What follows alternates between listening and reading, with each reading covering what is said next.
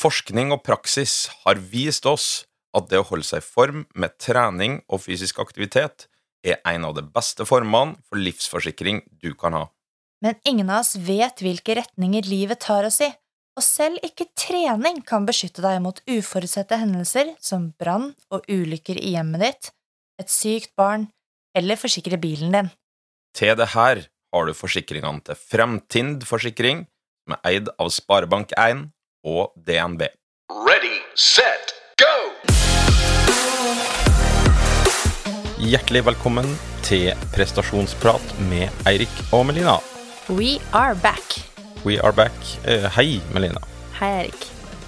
Ja, vi er tilbake. Eh, det er jo ikke så himla lenge siden vi eh, slapp forrige episode, men den litt sånn vante gangen med hver 14. dag, eh, den har hatt en liten pause. Den skled ut under ski-VM, men det, altså mesterskap er jo unntakstilstand. Ja, altså vinter, eh, midt på vinteren er på et vis litt unntakstilstand uansett, og spesielt eh, sånn som VM og den perioden rundt VM ble i år, med mye reising. Da- Mye koronatesting. Eh, ja, fryktelig mye koronatesting, eh, mye reising uten å være hjemme. Da mm, kjente jeg i hvert fall for mitt vedkommende, da var hodet litt uh, andre steder enn i podkastverden. Det var hodet mitt òg, særlig når du liksom ringte hjem og bare Ja, jeg er bare nødt til å ta et par ekstra dager her i St. Moritz, fordi eh, det, det blir bare så tull med karantene og komme hjem og sånn. Ja. Så øh, fikk jeg slacka han øh, litt der, mens du fikk noen ekstra dager alene med Niklas. Var ikke det hyggelig? Det var så hyggelig. Det var akkurat det jeg trengte etter å ha vært fire uker alene med han fra før. Ja. Nei, så i alle fall øh, Nå skal vi prøve å være tilbake på det samme vante intervallene med hver 14. dag. Og nå er vi jo tilbake på partallsuker, så nå er vi der vi skal være. Vi er der vi skal være. Uh, siden sist så har det jo skjedd relativt mye. Øh, for vår del. Vi har flytta. Ja, det har vi. Vi har flyttet noen høydemeter. Ja, eh, i luftlinja har vi ikke flytta så veldig langt, men vi har flytta litt opp i, på toppen, eh, egentlig, eh, av haugen der vi bodde før. Mm. vi har oppgradert fra leilighet til et hus. Og så har vi nedgradert en sånn høvelig orden som vi hadde i leiligheten, til fullt kaos at the moment uh, i huset. Ja, altså det podkaststudioet i gåsetegn her, eh, som vi sitter i nå, det tenker jeg det må egentlig være ganske ideelt å spille inn i, fordi her er det knapt én kvadratmeter ledig på gulvet, så det er så mye lydisolering rundt her at eh, Ja, det enkleste har vært, å hive inn en dynamittkubbe, sprengte sprengt av den, og så rydde opp med støvsuger etterpå. Det hadde vært eh, eh, enkelt, eh, men eh, jeg tror ikke det blir det.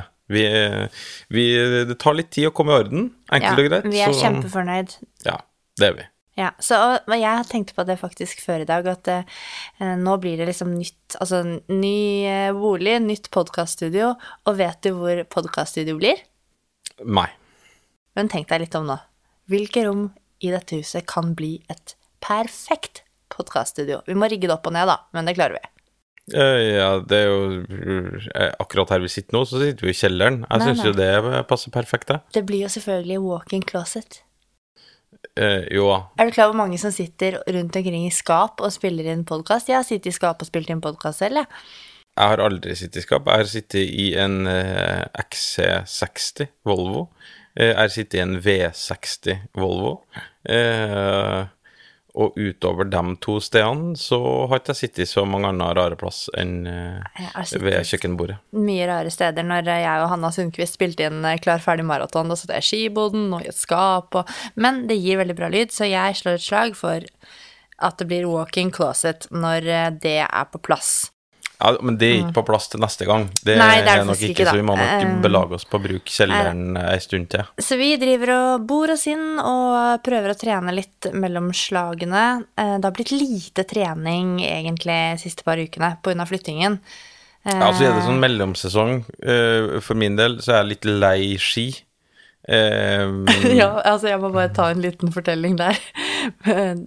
Vi hadde jo en veldig hyggelig familietur her om dagen, hvor vi pakket pulken og kidden og dro på Skjennangstua, som er jo oppå en eh, sånn lokal liten tur man kan gå her i Oslomarka. Spiste deilig bolle. Hadde det Jeg hadde i hvert fall kjempefint, men uh, du proklamerte jo at du hadde mistet skigleden da vi var på vei hjem.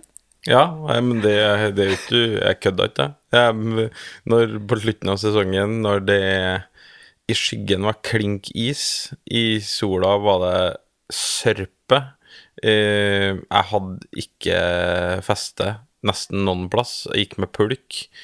Eh, utgangspunktet mitt før turen var at jeg var litt, litt lei av ski, men jeg gjorde det for at Niklas skulle ha få seg en siste skitur. Eh, så da, når det ble varmt både for meg og Niklas, og han begynte å grine, og du, hadde, du ikke var der, du hadde gått fra oss, eh, og jeg gikk opp den fryktelig lange bakka og sleit, og han grein bak meg, da tenkte jeg det her FML. blir siste skituren i år, og skigleden den pakkes nå øh, pakkes inn i vatt. Og så satser vi på at den kommer tilbake ca. til november. Så dro vi jaggu meg på ski dagen etterpå likevel, da. Ja, men da fikk jeg ordna sånn at vi gikk innom Skjennungstua da òg, og da uten pulk. Og det var noe annet. Men eh, det ble min siste skitur for sesongen. Det, Om det så detter to meter snø nå, silkeforhold, så skal ikke jeg på ski noe mer i år. Nå blir det jogging. Nå er løpe... Løpesesongen. Ja. Og den har vi jo begynt på. Vi hadde jo intervallet her om dagen. Det var jo en stund siden Ikke så lenge siden jeg har hatt intervall, men så lenge, det var ganske lenge siden du har hatt det, tror jeg. Men jeg syns det gikk ganske fint. Vi kjører jo vårt vante opplegg. Du tar vogna, jeg tar meg selv. Eh, og så løper vi. Ja. Nei, det, det gikk fint. Jeg har eh, bestilt meg et par nye Hoka-sko, som uh, Hoka Rincon, eh, som var nok mine favoritt-løpesko i fjor. Eh, så um, da må jeg ha et nytt par av dem, så det har jeg bestilt meg. Så jeg gleder meg til dem kommer, og da eh, får jeg nok fornya min nå ganske brukbare motivasjon for å springe litt. Ja, så gøy. Nei, men da får vi bare skride til verket, da, når vi nå har eh, Jo, forresten, en ting jeg skulle spørre deg om eh, nå i liksom foten i bakken her, før vi går på hoveddelen, det er om eh, du har eh, noe treningsmål for våren. For ofte så er det jo litt sånn når det kommer en ny sesong, så får man litt sånn boost, da, til å sette seg noen mål. Nei, treningsmålet er jo å trene når jeg har Når jeg kan. Eh, kanskje få trent litt mer styrke. Jeg har en litt sånn kranglete rygg som følge av å gå og bære på en eh, drøyt ti kilos eh, klump med baby. Eh, og den, det er jeg ganske sikker på at den ryggen skal jeg få fiksa ganske greit med litt styrketrening. Det er bare om å få begynt med det. Eh, så det får være et godt treningsmål. Det er null sånn ambisjoner sånn om å springe tieren så og så fort, eller halvmaraton så og så fort, eller Det er totalt amb Ambisjonsløs. ambisjonsløs eh, på det biten, men å få trent litt hardt og litt rolig og litt styrke og når jeg har tid Så det er og sånn mulighet. arbeidsmål handler mer om Ja. gjennomføring enn akkurat liksom prestasjonen. Ja. Ja, du får overlate den til meg. Ja, du, og du, med det så har du et Da har du ambisjoner, med andre ord? Ja, hva er det, er det nytt for deg? Nei, nei, nei, nei, men det er jo Hvis du har ambisjoner, så går det an å si dem høyt og ikke brenne inn med dem. Ja, nei, jeg har jo tenkt å løpe fortere enn jeg noen gang har løpt før. Det sier jeg hvert eneste år, og det tror jeg jeg har fått til så å si hvert år også. Det Pila peker fortsatt oppover. Ja. Så jeg eh, tenker at eh, her skal det fortsette å bare gå én vei, og det er fortere, fortere. Og så tenker jeg jo at det er viktig å rett og slett få litt mer kontinuitet i det som har med langrennsspesifikk trening å gjøre for min del. Hvis jeg skal ha nubbsjans på å um, få lov til å komme meg til eh, OL, Uh, og det er mye vanskeligere enn uh, de VM-ene jeg har vært med på, så det må legges inn uh, en jobb der. Men jeg tror det er mulig, og så får vi se hvordan eh, hvordan det går, eh, både med meg og hvordan verden utvikler seg. Ja. Det må bli mulig å reise litt hvis, det, hvis jeg skal få det til. Det må det. Eh, Dagens tema det er Vi har til nå egentlig hatt Alle temaene har vært i på ett ord, egentlig. Det har vært sånn VO2 Max, langkjøring, eh, den biten der. I dag så har vi et tema som er litt flere ord.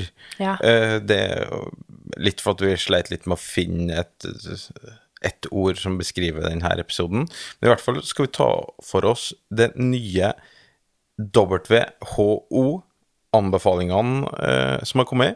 Det Anbefalingene går på fysisk aktivitet. Vi skal snakke litt om eh, sentralen vår på toppen, hjernen. Hvordan fysisk aktivitet påvirker den. Eh, og komme inn kanskje på det med motivasjon og det som slår oss underveis. Ja, ikke sant. Enkelt og greit. Så det var en lang uh, En måte å si det på, at Ja. vi går til hoveddelen. Ja. Nå er det jo sånn at Verdens helseorganisasjon, eller WHO, WHO som eh, du sa, her i sted, Erik, Det er jo det. Ja, det er det, men vi sier WHO for enkelhets skyld. Eh, De har kommet med en oppdatering av anbefalingene for fysisk aktivitet. Jeg eh, skal jo være så ærlig å si at jeg har vært litt sånn pådriver for at vi skulle ta opp, eller ha det som podkasttema. Eh, og det er jo av flere grunner, men én ting er jo det at jeg vet at det er egentlig ganske få som eh, oppfyller de anbefalingene. Det er jo bare én av fire voksne eh, som klarer å oppfylle anbefalingene for fysisk aktivitet. Og så er det Jeg tror det er så mange som 81% av alle ungdommer som ikke klarer å fylle opp anbefalingene for fysisk aktivitet for ungdommer, da. Eh, Så det vil si at folk flest er ikke aktive. Um, og veldig mange vet jo ikke om disse rådene, eller hva de innebærer, eller hva de kan, eh, det å følge de kan gi deg for noe til livet ditt. Da. Så derfor så tenker jeg liksom at um, siden vi driver en podkast i opplysningsøyemed, så må vi snakke litt om dette, selv om ikke det er veldig sånn prestasjonsorientert, men samtidig I alle fall ikke i toppidrettsforstand. Nei. Um, på, på en måte er det ikke det, men på en annen side så er det jo litt det også. Det kommer vi tilbake til med tanke på det her med motivasjon og Eller ikke akkurat motivasjon, men ja, eh, mental helse og så videre. Em, så ja, det er jo flere grunner til å ta opp det her på prestasjonsprat, men nummer én er kanskje at em, det er jo ikke alle som hører på podkasten vår som er toppidrettsutøvere. Og jeg vet jo at det er flere som er i startgropa med trening, og noen er sånn som trener veldig uregelmessig og trenger eh, noe ekstra motivasjon og eh, kanskje kunnskapsboost da, og råd for å gjøre det til en mer daglig, ukentlig vane, det å trene. Og en annen grunn er jo kanskje noe som ikke snakkes så veldig mye om, men som vi syns gir et veldig godt insentiv til å bare få det på med å øh, sette seg som mål å følge disse anbefalingene. Og det er nettopp det at hvis man klarer å følge de anbefalingene som øh, Verdens helseorganisasjon har kommet med, så gir det ikke bare beskyttelse mot eh, det som man alltid driver og, og jabber og preacher om, sånn som hjerte- og karsykdommer og diabetes type 2 og enkelte krefttyper, eh, og at det reduserer dødelighet. Men det er sånn jeg føler man ofte hører, da, at eh, fysisk aktivitet gjør. Men hvis man følger de rådene, så er det faktisk en slags oppskrift som sammenfaller med den treningen man bør gjøre for å få skikkelig gode, eller nærmest optimale helseeffekter på hjernen. Og en sunn hjerne er jo en litt kvikkere hjerne enn en ikke så sunn hjerne. Og da legger man et grunnlag for å ha en bedre mental eller kognitiv prestasjonsevne, da. Og kan bli mer mentalt robust. Og det er jo Der kommer idretten inn. Ja, idretten kommer inn, og så kommer jo jobben til folk inn. Ja, ikke Ja, sant? så arbeidet til folk, det å prestere på jobb, mm. er jo også en prestasjon. Ja. Eh, ofte så er jo ikke alle eh, har nødvendigvis ren manual labor. Al altså, mm, du trenger jo hjerne der òg, men eh, mange, eh, eller alle, bruker jo hjernen sin i stor grad på jobb. Og da kan det jo være fornuftig å ha en så frisk hjerne som over- overhodet mulig. Ja, og noen har ekstremt krevende jobber mentalt sett, som tar veldig mye av deg. Um, så, og derfor er det jo gode grunner til å være i, i god fysisk form, for er du i god fysisk form, så er ofte hjernen det også. Um, altså det er mange Så jeg tenker at det er liksom Det er et godt insentiv, da, dette her med effektene på hjernen. Og så er jo mye av det vi skal innom her, det må vi jo nevne, er jo også ganske relaterbart til det du eh, Nå er du for så vidt i permisjon nå, da, men det du skal inn på på ditt doktorgradsprosjekt. Ja, um, altså Det er jo sånn at en av de forskerne som sitter i den gruppa som har vært med å um, revidere uh, disse anbefalingene, er, han er en av mine veiledere. Ulf Ekelund heter han.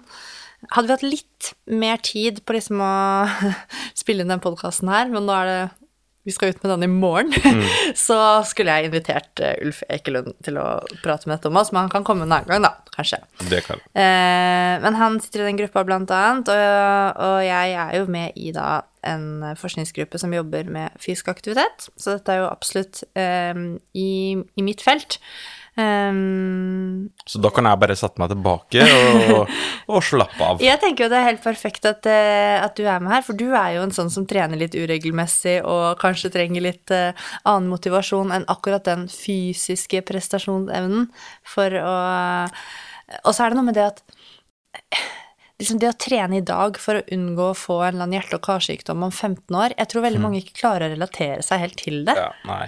Mens med de effektene på hjernen, de, de tar, Noen av de tar sannsynligvis lang tid å opparbeide, men du får også noen sånne um, umiddelbare, akutte effekter da, ved å være uh, aktiv. Sånn at uh, det er litt sånn kjappere vei til en, en belønning, da. Ja. Så la oss bare hoppe i det og presentere de nye rådene. Så kan jo dere som hører på, ta og sjekke hvordan Det har vi jo gjort. Sjekk hvordan du ligger an, da. Eh, og så skal vi snakke litt om hvordan, hva du kan gjøre for å oppfylle det her anbefalingen på en relativt enkel måte. Jeg tenkte egentlig at vi skulle eh, presentere og liksom gå gjennom rådene med litt sånn eh, Hvordan var det før, og hva er det som er nytt nå, da? Eh, fordi forrige gang, så De forrige rådene er jo fra 2010. Nå har det jo gått en tid. Så mm, disse kom nå på slutten av eh, 2020.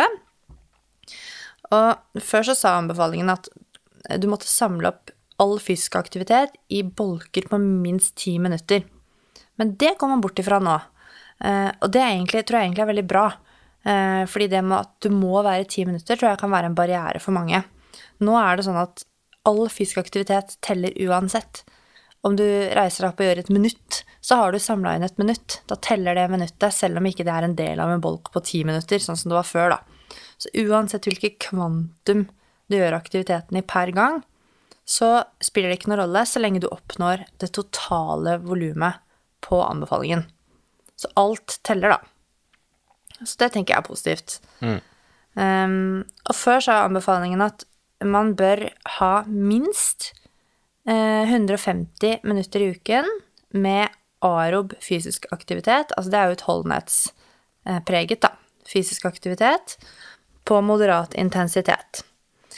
Men nå er det så faktisk sånn at eh, vi som har stillesittende jobber, skal opp i 300 minutter på moderat intensitet per uke. Så nå er det laget en range da, på 150 til 300, som er anbefalingen for fysisk aktivitet for oss alle, istedenfor at det kun var 150 minutter.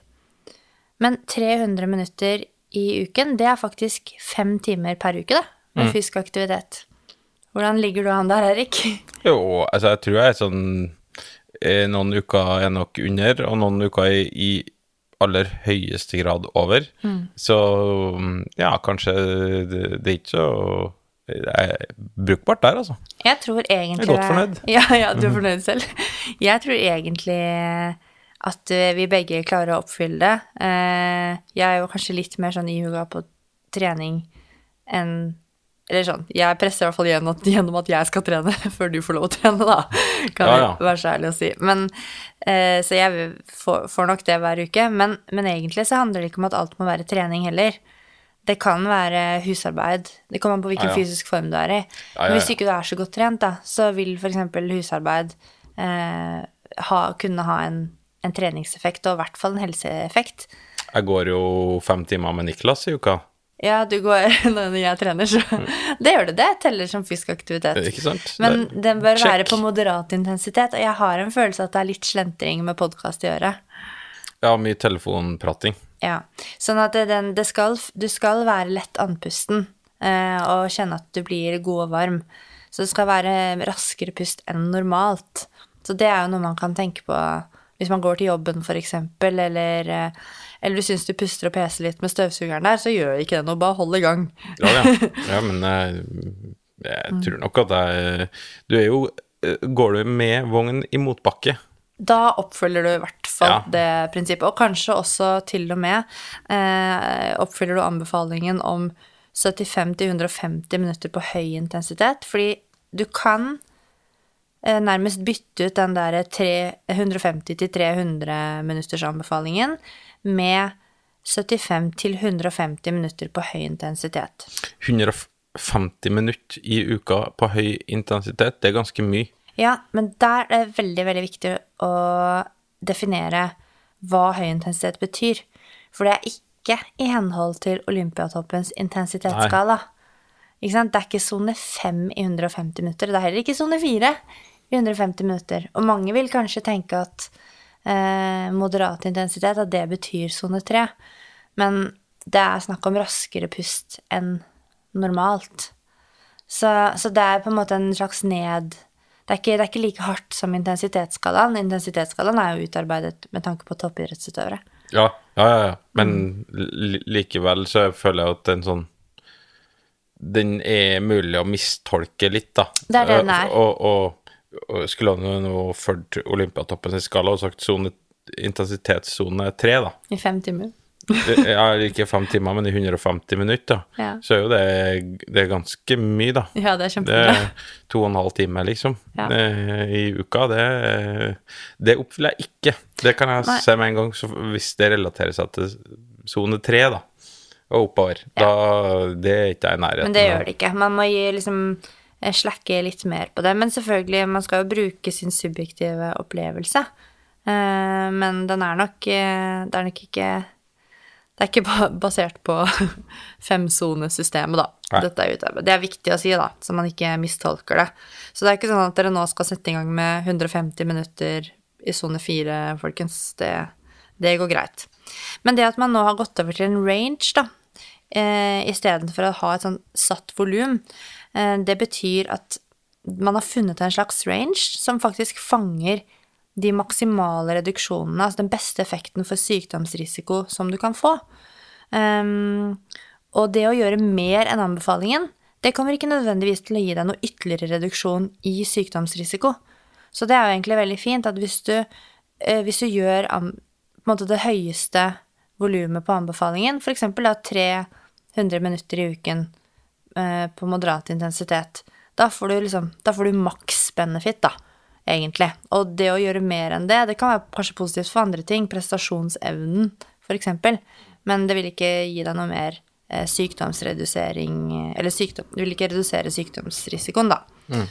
Um, så det er egentlig fint å vite hva du minimum og maksimum bør gjøre for å innkassere de beste effektene på helsen. Um, ja. Og så er det én ting som ikke er et nytt råd, eller noen, det er ikke noe nytt, men det, er liksom et råd som står seg videre, da. Og det er at i tillegg til den aerob-aktiviteten, det som er mer sånn utholdenhetspust og pes, um, så bør alle voksne personer gjøre styrketrening to ganger i uken eller mer på moderat intensitet eller høyere, der man trener hele kroppen, eller store muskelgrupper, da. Og der, der er jeg ikke check i det hele tatt. Men det var jo innafor på det jeg sa som var eh, litt målsettinga for min del. Ja. Eh, blir jo da å nærme seg eh, Verdens helseorganisasjon hva gjelder eh, styrketrening. Ja, der tror jeg det er veldig mange eh, som, um, som Som ikke oppfyller det rådet, da. For det er mange som eh, Veldig mange går tur, og veldig mange jogger og, og sykler og gjør eh, ting som gjør at man oppfyller den grunnleggende og den viktigste anbefalingen. Men styrketrening er også kjempeviktig for, eh, eh, for helsen. Både for skjelett og for den metabolske helsen og ja, i det hele tatt. Um, og så er det kommet til noe som heter såkalt conditional recommendations. Um, det betyr jo at anbefalingen er liksom situasjonsavhengig. Um, og det handler om at hos voksne som har en veldig eh, såkalt sedat atferd Det betyr at man har et veldig eh, lite aktivt liv. Stillesittende liv. Stille, mye stillesitting. Ligger mye på sofaen. Og det her gjelder jo kjempemange. Fordi man sitter jo veldig mye hjemme, eh, og så um, Sitter på et kontor. Sitte på et kontor, de som har mulighet til det. Man sitter kanskje i transport, eh, og så kommer man hjem, og så sitter man til middag, og så sitter man i sofaen, og så går man og legger seg. Sånn at det er ikke så veldig vanskelig å, å ha et sedat liv. Selv om man trener, kan man egentlig være ganske sedat resten av tiden, da. Og hvis man har veldig mye stillesitting, så anbefales det at man begrenser det så mye som mulig, og så skal man erstatte den inaktive atferden ved fysisk aktivitet.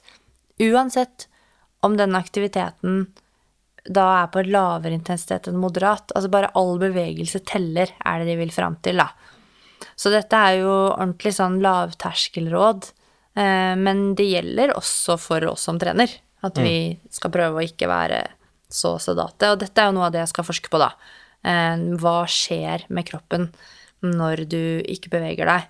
Eh, Og de studiene som, eh, som fins til nå, flere av de viser jo at selv mennesker som er eh, unge og friske og i helt grei fysisk form, når du sitter i mange timer, så begynner det allerede å skje endringer i blodårer og eh, ja, mange steder i kroppen da, som egentlig gjør at kroppen bare blir dårligere. Det er kjempeskummelt hvor fort det skjer.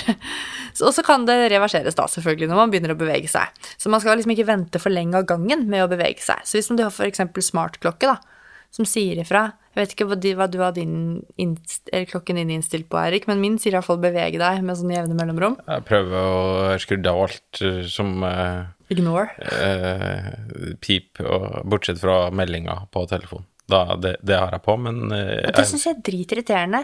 Jeg syns du heller burde skru av meldinger. For det, det er, verste jeg vet, er sånn Når det skjer noe på telefonen din, så er vi midt i en samtale, og så er på telefonen så er klokken, og så bryter du av samtalen for å se hva som foregår på klokken. Du burde mye heller skru av det, og så få på den bevegelsesgreia. Den, Ja. den trenger du. ja. Uh, nei, så det er i hvert fall sånn at all bevegelse er positivt for helsen, da. Og mer teller mer, rett og slett. Og så er det jo sånn at jo dårligere fysisk form du er i, um, jo bedre effekt får du av Ja, det lille for- du gjør. Jo fortere får du framgang. Ja. Men det skal ikke være noe hvilepute sånn sett. At du liksom Slapp deg ned for å Eh, få ja, framgang. ja, eller at sånn Nei, men det er ikke noe hast med å begynne, for jeg får så rask fremgang når jeg først begynner. Altså, det kan bli litt sånn um, Men det er jo desto viktigere, egentlig. Det, det, det er jo det som er beskjeden her, at eh, jo dårligere fysisk form du er i, jo, jo viktigere er det å gjøre bare noe. Um, og så vil jo avkastningen uh, på, på treninga og bevegelsen helsemessig vil jo på en måte avta jo bedre form du blir i, da. Det har vi snakket om i en av de eh, episodene om um, eh, treningsprinsipper. Principle of diminishing returns. Og da spurte vi jo om folk kunne sende inn eh, hva, hva vi skal kalle det på norsk. Og da var det en, mange økonomi, eh, økonomimenn som sendte inn eh, eksempel sånn avtagende avkastning. Eh, og det er jo, ikke sant, når du får, du får mindre igjen for hver økt fordi du begynner å komme på et, et høyt nivå, da. Ja. Um, ja. Så mm, selv om du er aktiv, så går det også an å ha en veldig sedat livsstil. Altså mye stillesitting, og det er ikke bra for helsen. Så derfor anbefaler Verdens helseorganisasjon at ehm, du bør egentlig prøve å gjøre mer aktivitet enn anbefalingene tilsier hvis du har veldig mye stillesitting i eh, hverdagen din. Men de punktene her er veldig situasjonsbetinget, da. Fordi Ah, ja. du kan på en måte ikke Det hadde ikke, nytt, det hadde ikke vært så veldig bra å gi det rådet til dine utøvere, f.eks. At de ikke får lov til å legge seg på sofaen mellom øktene, ja. Ja. Da hadde jo i hvert fall sånn da går de på et tidspunkt på en smell, er nettopp det. hvis de skal trene det samme. Eh, For at de ligger jo i ro, eller sitter i ro, eller prøver å holde seg i ro for å restituere etter eh, første økt, så er de klar til andre økt, etc. Ja. Eh, Så at det er jo som du sier, det er jo nå er jo nok dem i en helt egen særklasse, altså toppidrettsutøvere er jo i en særklasse Ja. her, da. Men det, er, det gjelder jo idrett og toppidrett, fordi der må man jo ta hensyn til den totale belastningen, og det skal man jo for så vidt uansett hvem man er, men, men eh, for de aller fleste mennesker så handler det, og igjen da, minner om at bare én av fire faktisk klarer å Ja. følge disse anbefalingene, så handler det liksom om å holde kroppen i gang, i hold kroppen så mye bevegelse som mulig, hold hjulet i gang, men sånn er det jo ikke når, når du driver med idrett, da må du da er belastningen på kroppen såpass ekstrem, da, at eh, du er nødt til å bare stoppe den, rett og slett, for å hente deg inn. Så det er jo kontekst veldig viktig, da. Um, det er noe jeg ofte får spørsmål om, er liksom hvilken treningsform er den beste å gjøre eh, for å få liksom optimal helse, og liksom hva er det som er den beste treningsformen? Er løping det beste, liksom? Altså, det er det egentlig mange som spør om, da. Men det fins faktisk ikke nok dokumentasjon til å si noe om en spesifikk treningsform eller arbeidsform er noe bedre enn noe annet. det må være ski, vel? Ja, for- for de som liker det og føler man har knukket koden der, så er det sikkert det, men for noen andre så er det sykling, og for noen er det crossfit, Ja. og for noen er det zumba, liksom, så Kanskje jeg skal prøve zumba? ja, kanskje jeg skal prøve zumba. Å, det skulle jeg likt å se. Zumba med Gunn. Rumba med Gunn. ja. Ja. kanskje. ja, men dansing er jo kjempegøy, da. Ja, ja. Um, altså det, og man, man vet heller ikke nok egentlig til å si noe om når det gjelder stillesitting, da.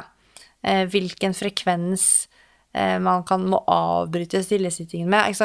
Hva skjer, er det ille å sitte stille fem timer, eller, eller går det greit? Kan jeg sitte, eller bør jeg bare sitte stille én time? Sånn at, eh, det der vet vi ikke. Jeg skal jo prøve å forske litt på det, da, men eh, det nytter ikke at bare jeg gjør det.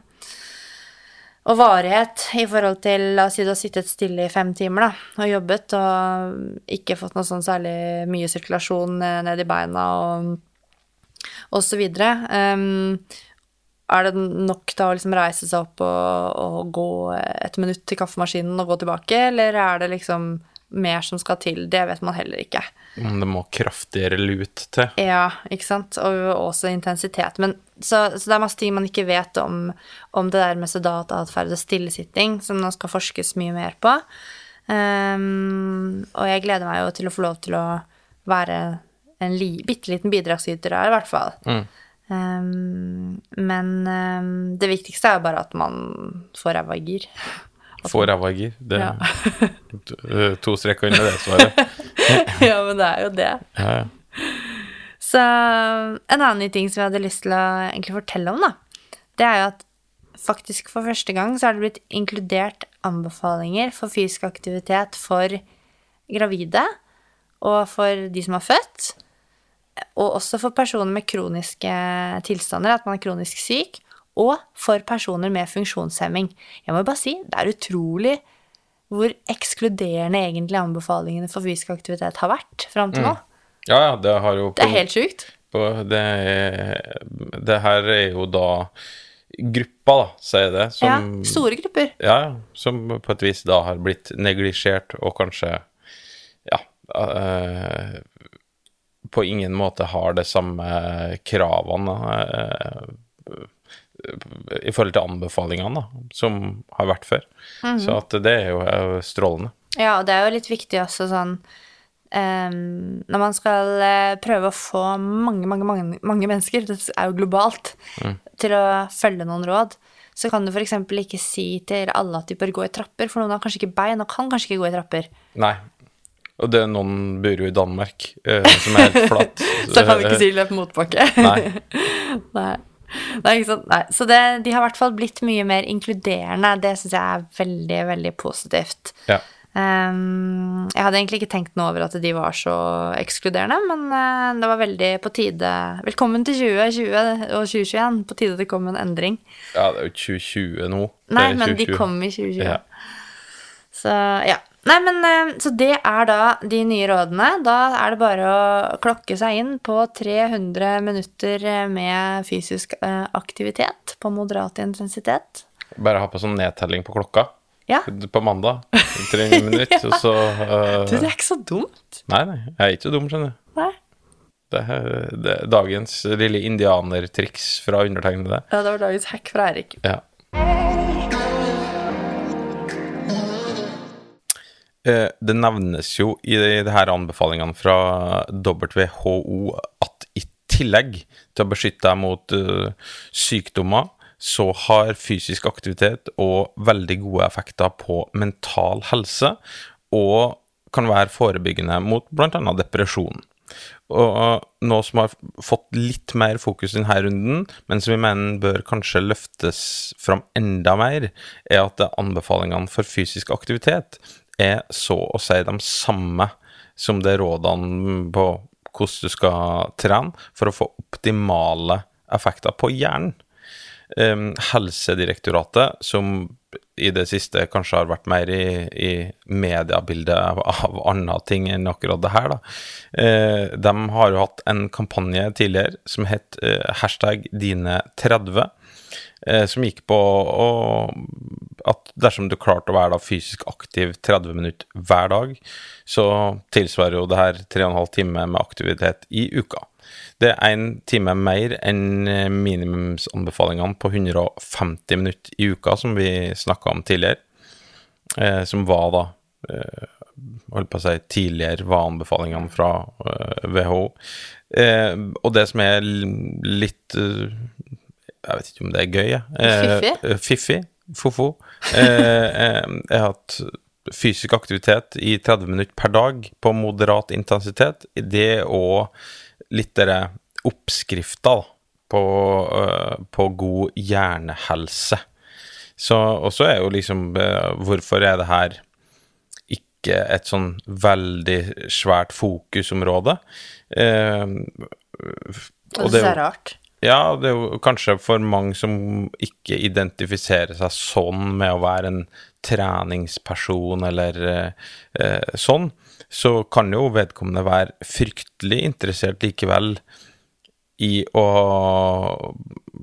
ha en sentralbanestasjon sentral i banestasjon oppi topplokket Ja. som funker topp. Ja, det er jo sånn, selv om man ikke liksom nødvendigvis er veldig opptatt av å løfte så tungt som mulig, eller gå ned i vekt, eller at man har lyst til å løpe fort, at man ikke har noe sånn spesifikt sånn trenings- eller helsemål, så kan det jo godt være at eh, man har en interesse av å være skikkelig kvikk i topplokket, da. At Ja. man har en, eh, en hjerne som, som stadig oppgraderes. Det gjør den jo for så vidt eh, gjennom livet, gjennom erfaringene våre, gjennom ting vi lærer, men den kan jo få bedre og raskere Det er litt sånn software-oppdatering. Ja. litt bedre og raskere oppdatering hvis man bruker fysisk aktivitet til sin fordel. Ja, og hvordan fungerer da egentlig det her at hjernen får denne oppgraderinga via fysisk aktivitet og trening? Og den fungerer jo både indirekte og direkte. Indirekte ved at trening påvirker søvnen din til det bedre, reduserer stress, øh, og, eller øker da toleransen din øh, for stress, reduserer depresjon, som jeg var inne på, og eh, det hjelper til at uh, pumpa, hjertet uh, og blodårene fungerer som de skal. Og eh, sånn mer direkte, da, med trening, så vil trening Dette har vi snakket om Vi har snakket om det litt før, når vi hadde episoden om Hvilken episode var det? Um, ja, vi får legge det i shownotes, tenker jeg. Um, men i hvert fall eh, det at trening også kan promotere nydannelsen av nerveceller. Eh, det er jo ikke sånn at du får utdelt x antall nerveceller, og så Er det dem du har? og så er det de du har. Det, trodde, det er ikke så lenge siden man trodde det, faktisk. Um, husker jeg sånn når man var liten, og hvis du slo hodet, så var det noen som bare sånn Ha-ha, nå ble du dummere.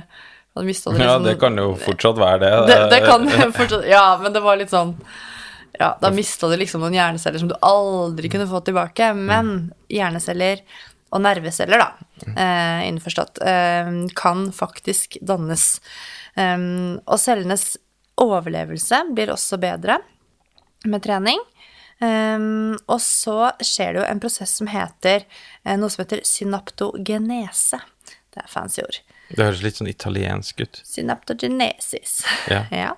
Eh, det er dannelsen av nye koblinger mellom nervecellene. Fordi disse nervecellene må jo snakke med andre celler. Eh, og en synapse, jeg vet ikke om du erindrer dette fra oi. Eh, nevromuskulær biologi. Nevro Ja. alt. Oi. På skolen. Det er kontaktpunktet mellom to nerveceller, det. Og eh, så trening kan bidra faktisk til å styrke enkelte av disse synapsene, altså de enkelte av disse kontaktpunktene. Og det er positivt, fordi det betyr da at ulike områder i hjernen kan bli i gåstegn bedre på å snakke sammen, eller snakke med hverandre, da. Mer effektiv, rett og slett. Ja, mer effektiv hjernefunksjon. Eh, og fysisk aktivitet det fremmer også dannelsen av nye blodårer. Det heter angiogenese, for dere som er interessert i å lese mer om det. Ehm, og det er jo også positivt for hjernehelsen, det at vi får bedre sirkulasjon, ikke sant. Ehm, og noe av det jeg kanskje tenker er det viktigste å ta inn over seg, for det er litt mer eh, håndfast, det er dette med at regelmessig, og da må jeg bare sette en strek under regelmessig, fysisk aktivitet forbedrer eh, kognitiv funksjon, eh, og forbedrer læring, og også hukommelse. Og det er jo der jeg tenker gullet ligger, med hvordan du kan bruke trening og fysisk aktivitet til din fordel. Det om man er gamer, eller om man er en tallcruncher og kontorist, eller hva det nå er, men du må bruke hjernen din på din prestasjonsarena, og det koster mye av deg, så vil du få gode effekter av å trene. Du blir en oppgradert versjon. Det, er, det høres sånn veldig svulstig ut å si, men det er Ja, jeg bare syns det er så viktig. Ja, ja, jo, men uh, that's a fact. That's a fact. Og man vet jo ikke det er jo, Dette er jo nybrottsforskning. Eh, hjerneforskning, og også spesielt det med eh, hvordan trening eh, påvirker hjernen. Det er jo relativt nytt sett i liksom det store perspektivet. Eh, den kunnskapen også. Sånn at vi vil jo lære mer om dette i tiden som kommer, men man tror at, tenker at noe av mekanismene bak disse effektene det kan være økt frigjøring eller nydannelse av noe som heter vekstfaktorer.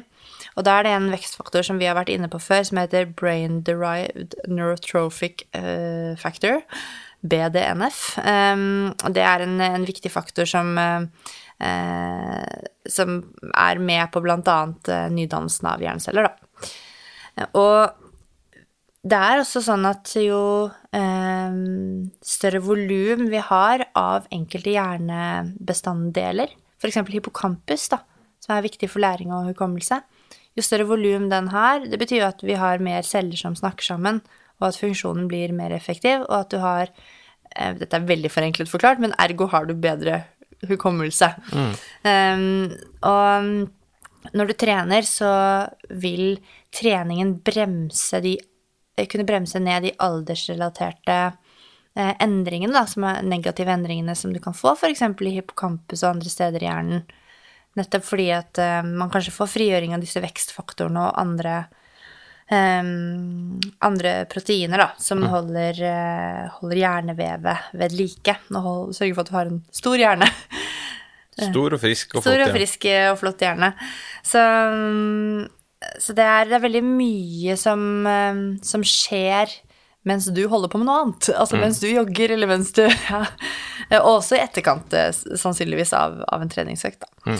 Så, mm, så det er eh, noe av det som jeg Jeg bare håper at den type kunnskap om eh, fysisk aktivitet, da, eh, vil kanskje gi noen et større insentiv til å gjøre det regelmessig enn alle disse andre treningsmålene som vi i treningsbransjen ofte prøver å tre litt over hodet på folk, eller prøve å liksom Skal vi ikke hjelpe deg å finne et mål, og liksom sånn og sånn? Og det er ikke alle som liksom kicker på det, da. Nei.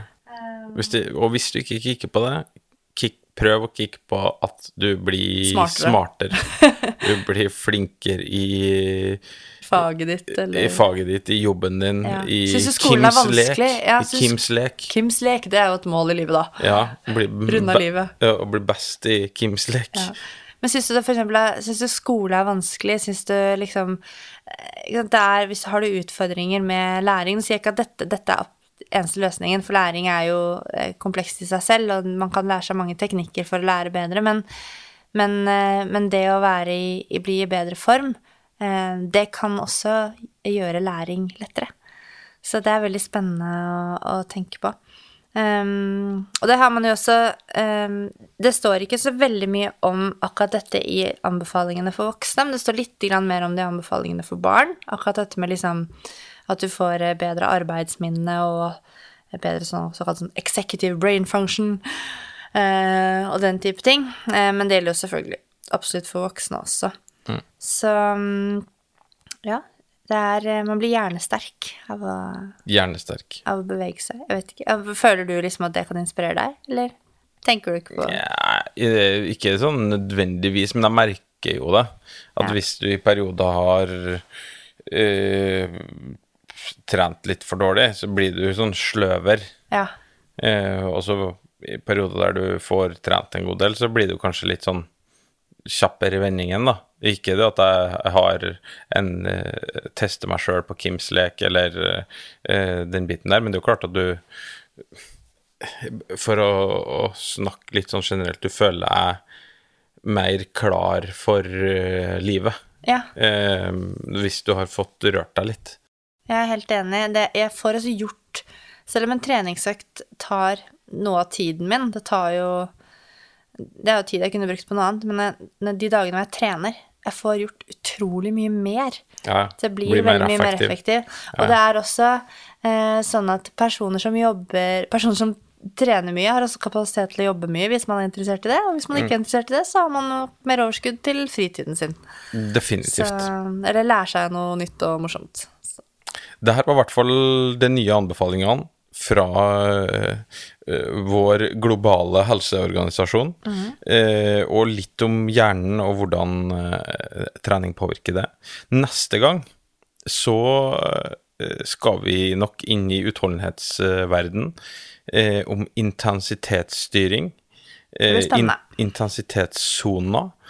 Eh, er det så himla nøye å være Å ha kontroll på sone 1 og 2 og 3 og 4 og 5 og så weiter? Er det er det så himla nøye? Eh, vi skal ha en gjest eh, som skal hjelpe oss i å forstå og kanskje klargjøre det her litt. Mm. Og så er det sånn at den intensitetsskalaen, det var også noe som ble oppdatert for en uh, liten tid tilbake siden. Ja.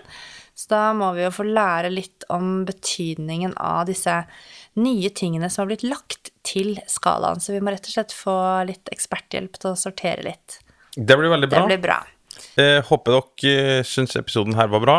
Eh, og så høres vi om eh, 14 dager, vi. Det gjør vi, og vi kommer til å legge linker til eh, artiklene til denne episoden i notatene. Ha det bra! Ha det, ha det.